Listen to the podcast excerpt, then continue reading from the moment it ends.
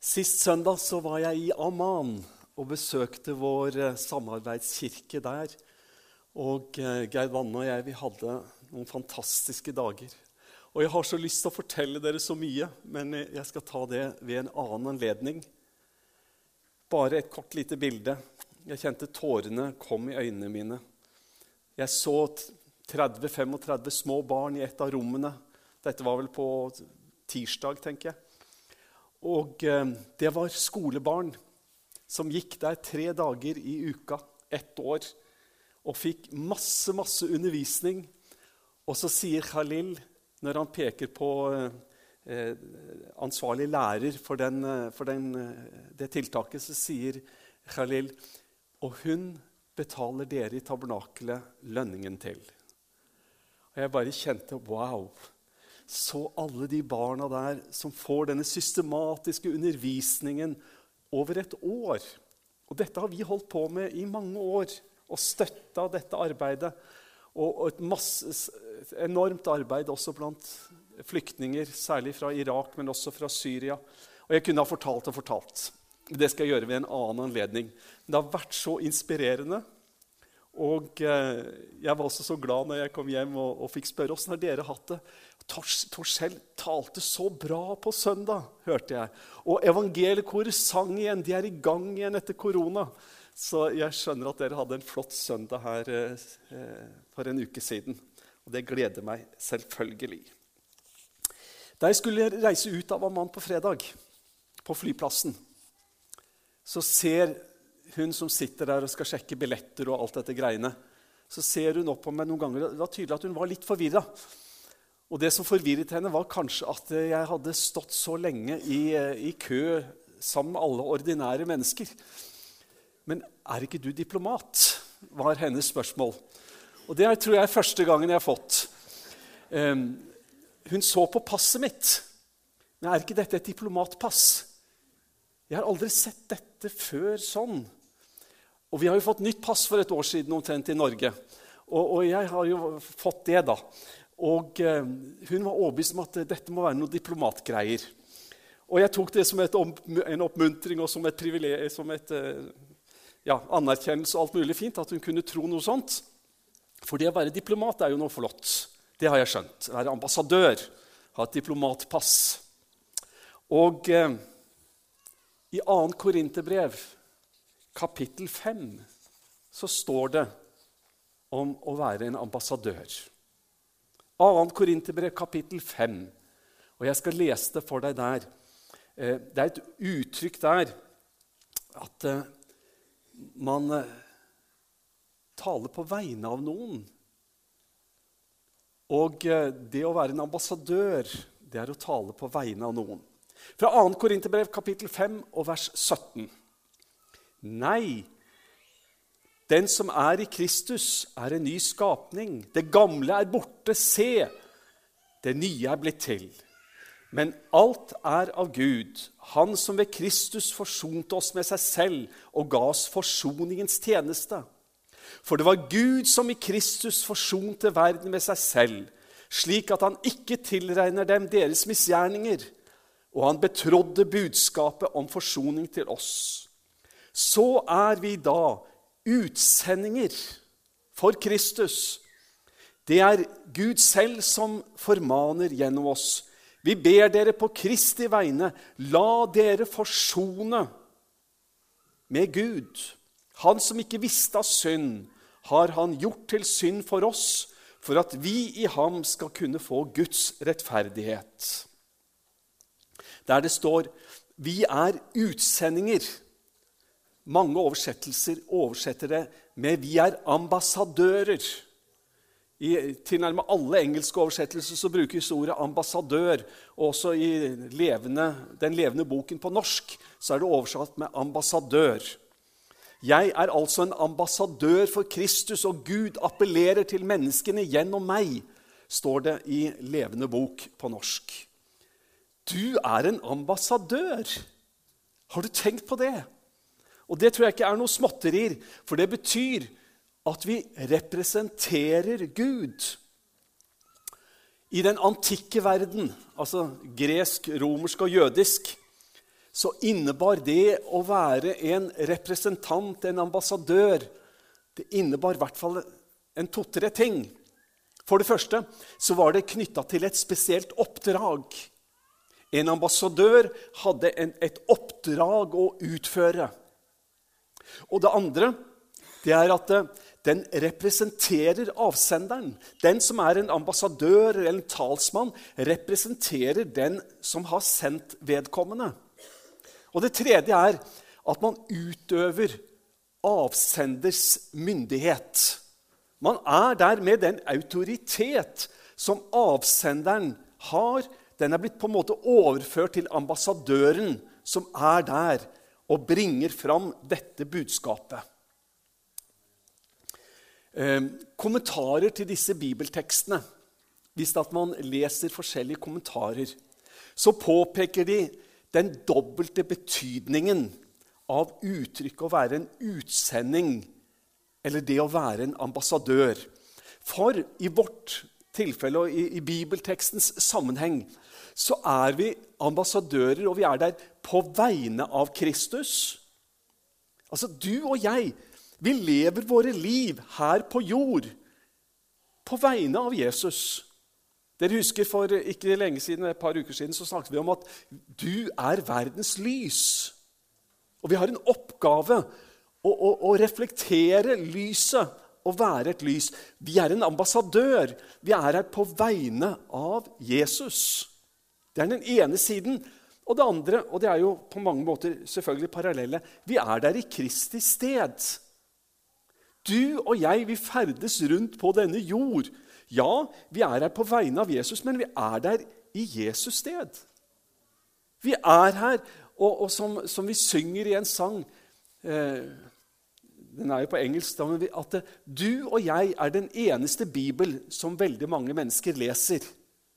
Og med det menes jo naturligvis at vi representerer evangeliet. De leser ikke Bibelen, de leser ikke om Jesus, de leser ikke om hvordan han var, men de ser på deg og meg som bekjenner hans navn. Og vi er representanter for Gud der vi ferdes. Og det er et ansvar og det er en oppgave å tenke at Gud har utvalgt deg og meg for å være hans ambassadører. På mange måter det er det samme som Paulus på en måte litt indirekte refererer til når han skriver i første Tessalonikerbrev, og han skriver i kapittel 2. Så forteller han om hvordan det var når han kom til disse i Tessaloniki og forkynte evangeliet, fortalte de om hva Jesus hadde gjort. Så står det i 1. Tessalonikerbrev kapittel 2 og vers 13. Derfor takker vi stadig Gud, for da dere fikk overlevert det gudsord som vi forkynte for dere, tok dere imot det. Og så kommer det ikke som menneskeord, men som det gudsord det i sannhet er. Altså, Paulus likestiller det de hadde sagt, med å være et Guds ord fra Gud selv. Og det er jo selvfølgelig fordi at de er der som sendebud. De er der i Guds sted. De er der for å bringe Guds budskap. Han er en ambassadør. Han taler på Guds vegne. Og den som erklærer forsoningsbudskapet Og i den teksten vi tok utgangspunkt i, fra 2. Korinterbrev kapittel 5, så ser vi jo i sammenhengen at ordet forsoning det brukes igjen og igjen. Jeg tror det er fem ganger uten at jeg telte, men jeg, mener å huske at det, det er fem ganger i de få versene som gjøres en spesiell referanse til forsoning.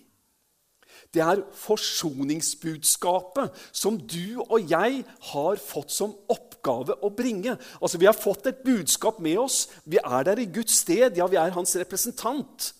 Og det budskapet vi har fått, det er forsoningsbudskapet. Vi har et budskap å bringe på vegne av Gud. Det kalles forsoningsbudskapet. Ikke sant? Vers 19. For det var Gud som i Kristus forsonte verden med seg selv, slik at han ikke tilregner dem deres misgjerninger, og han betrodde budskapet om forsoningen til oss. du er en ambassadør. Du er blitt betrodd et budskap som du skal bringe videre. Og det var ikke loven. Det var ikke en hel del etiske retningslinjer. Det var ikke en hel del påbud og forbud osv. osv. Det var forsoningsbudskapet. Det var at Gud i Kristus har forsonet verden. Det er budskapet. Og så ser vi at budskapet er todelt. For vi skal ikke bare slutte å lese etter vers 19. Og jeg leser det gjerne en gang til, for større enn det blir det ikke. Ikke sant? For det var Gud som i Kristus forsonte verden med seg selv, slik at han ikke tilregner dem deres misgjerning, og han betrodde budskapet om forsoningen til oss. Og så fortsetter det i vers 20. Og jeg skal lese. Så er vi da utsendinger for Kristus. Og det er Gud selv som formaner gjennom oss. Vi ber dere på Kristi vegne. La dere forsone med Gud. Altså, Vi ser denne dobbeltbudskapet. Noen ville kanskje til og med sagt at det var selvmotsigende, hvilket det slett ikke er. Men det dobbelte i forsoningsbudskapet er at det var Gud som i Kristus forsonte verden med seg selv. Det er fullført. Det var Gud som gjorde det. Det var Guds handling. Det er Guds verk. Det er ikke vi som forsoner oss med Gud. Og det var absolutt ikke Gud som forsonte seg med oss. Han har ingen behov av forsoning. Han har ikke beveget seg. Det er vi som har beveget oss. Det er vi som må vende oss om. Det er vi som må komme til Gud. Men dette gjorde Gud. Det var Gud som i Kristus forsonte verden med seg selv. Jeg vet jeg sier det ofte men med forskjellige vers, da. men dette er mitt bibel, favorittbibelvers. Og vi får lov til å ha mange. Men tenk, det var Gud som i Kristus forsonte verden med seg selv. Det er den ene delen. Og den andre delen er Unnskyld at jeg gjentar meg selv hvis jeg gjør det. Den andre delen er hvordan, hvordan Paulus så inderlig uttrykker, og han formaner og han understreker at han gjør det Kristi sted. Og formaningen er 'la dere forsone med Gud'. Det er forsoningsbudskapet. Og denne dobbeltheten, det er det du og jeg som Guds representanter som skal formidle, for de trenger å høre budskapet. Vi er forsonet. La dere forsone. Og så kan sikkert både teologer og andre Eh, eh, prøve å, å utkrystallisere det og gjøre det enda tydeligere for oss. Men det ligger et spenningsfelt som kanskje ikke engang er ment at vi fullt ut skal kunne forstå og tolke. Men det er et spenningsfelt der, der vi får beskjed om at det er fullført. Dere er forsont. Det var Gud som gjorde det. Også denne inderlige utfordringen la dere forsone med Gud. Og det er bare når vi tar med hele bildet, at forsoningsbudskapet blir komplett. Om vi tar bare det ene, så er det da en halvpart som mangler. Om det bare blir at dere er forsonet Dere trenger ikke ta imot, dere trenger ikke gjøre noen ting. Det var Guds verk på, på, på korset. Dere er forsonet. Da er det bare halvparten. Og om, om, den andre halvparten blir Nå må dere vende om og komme til Gud og la dere forsone. Som om det skulle være vår handling, at det skal være vår prestasjon. Det blir også bare halvparten. Og Derfor er det jo veldig fint at Paulus setter det vers etter vers, sånn at vi kan lettere se det komplette bildet av hva vi som ambassadører er kalt til å formidle. Det er vår oppgave å formidle forsoningens budskap. Og så er det dette med språk, da. Om jeg skulle faktisk bli ambassadør og Man skal aldri si aldri. Det er ikke noe spesielt som tyder på det, men om jeg nå skulle bli en ambassadør og bli sendt til Washington for å bli Norges ambassadør i USA, så ville det jo vært hyggelig hvis jeg kunne sagt eh, Good morning, Mr. President. It's an honor to meet you. Eller noe i den retningen. Altså, dette med språk en, Jeg tror det er en, en, en fin ting for en ambassadør å kunne uttrykke hva vedkommende mener. Det å kunne formidle det budskapet man har blitt sendt for å formidle. Jeg elsker jo Maranata, den gamle sangboka vår. Og evangelietoner er jo for noen av dere fremdeles en, en, en sånn revidert ny bok. Skjønt den eh, kom vel i 1979 eller 1980. Eh, revi, revi, altså evangelietonen, Så helt splitter ny er den jo ikke. Men, men eh, det står jo mange fine sanger i denne her om eh, forskjellige uttrykk. Forresten, før jeg, før jeg leser et eksempel eh, Da jeg var 14, 14, år, tenker jeg, så var jeg med på teltmøter i lille Langerud på østkanten i Oslo. Med på altså, vi var en del ungdommer som var der, aktive i menigheten. Og Da var det ei dame som vitna. Tenk du, Jeg husker vitnesbyrdet hennes enda det er blitt noen år siden. Og Hun fortalte at hun hadde vært i Egypten, men var nå kommet til løfteslandet. Og Det var et nydelig vitnesbyrd, og jeg skjønte alt sammen.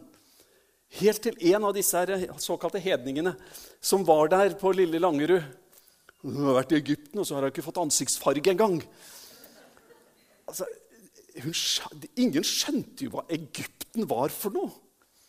Og, og vet, Hvis vi snakker om at vi er Jesu brud, og han er brudgommen, og, og sånne ting Folk tenker på Knuteby. Og, og de har overhodet ingen relasjoner til denne Kristusenheten. Altså, vi snakker et stammespråk.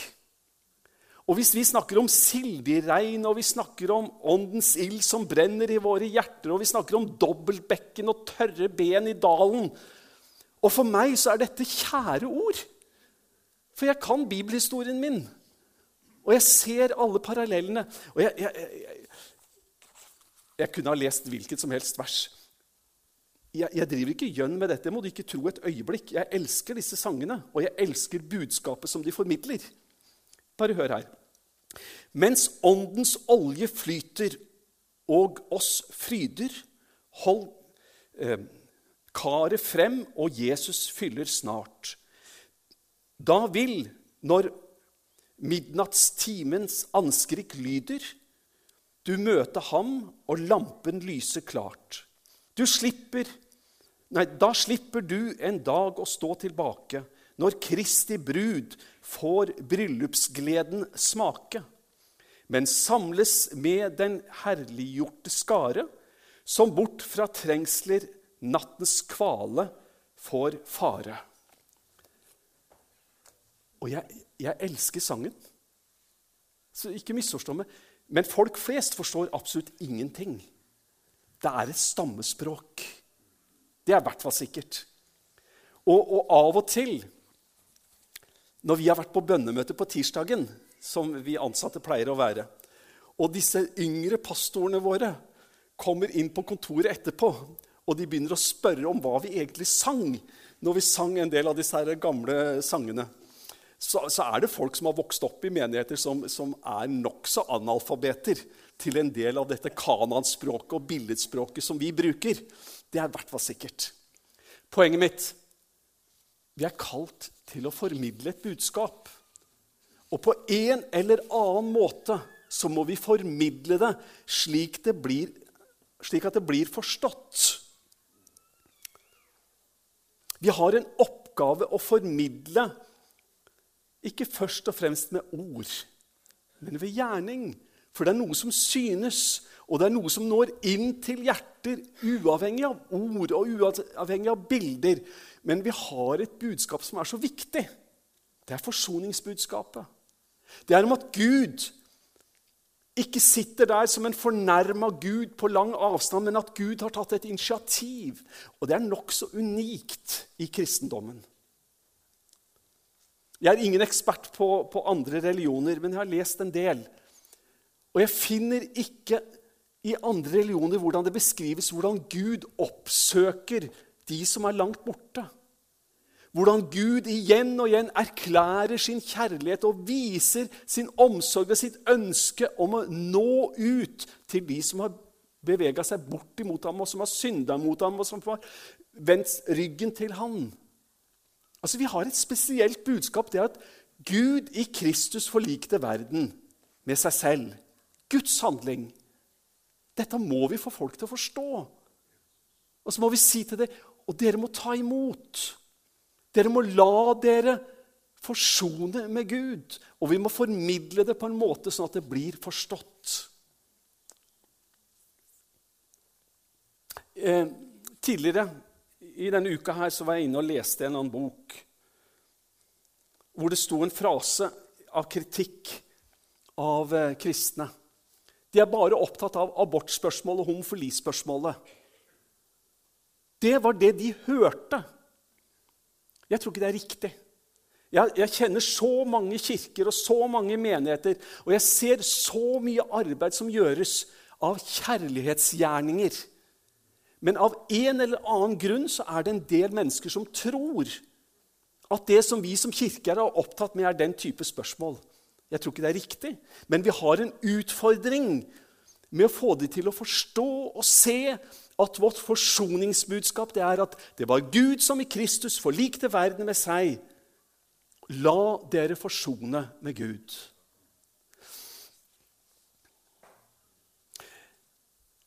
Jeg må erkjenne, i likhet med sikkert alle andre her Vi har til dels vært dårlige ambassadører. Vi har av og til presentert et vrengebilde av Gud. Om jeg blir sur og tverr og fornærma Det er jo ikke sånn Gud er.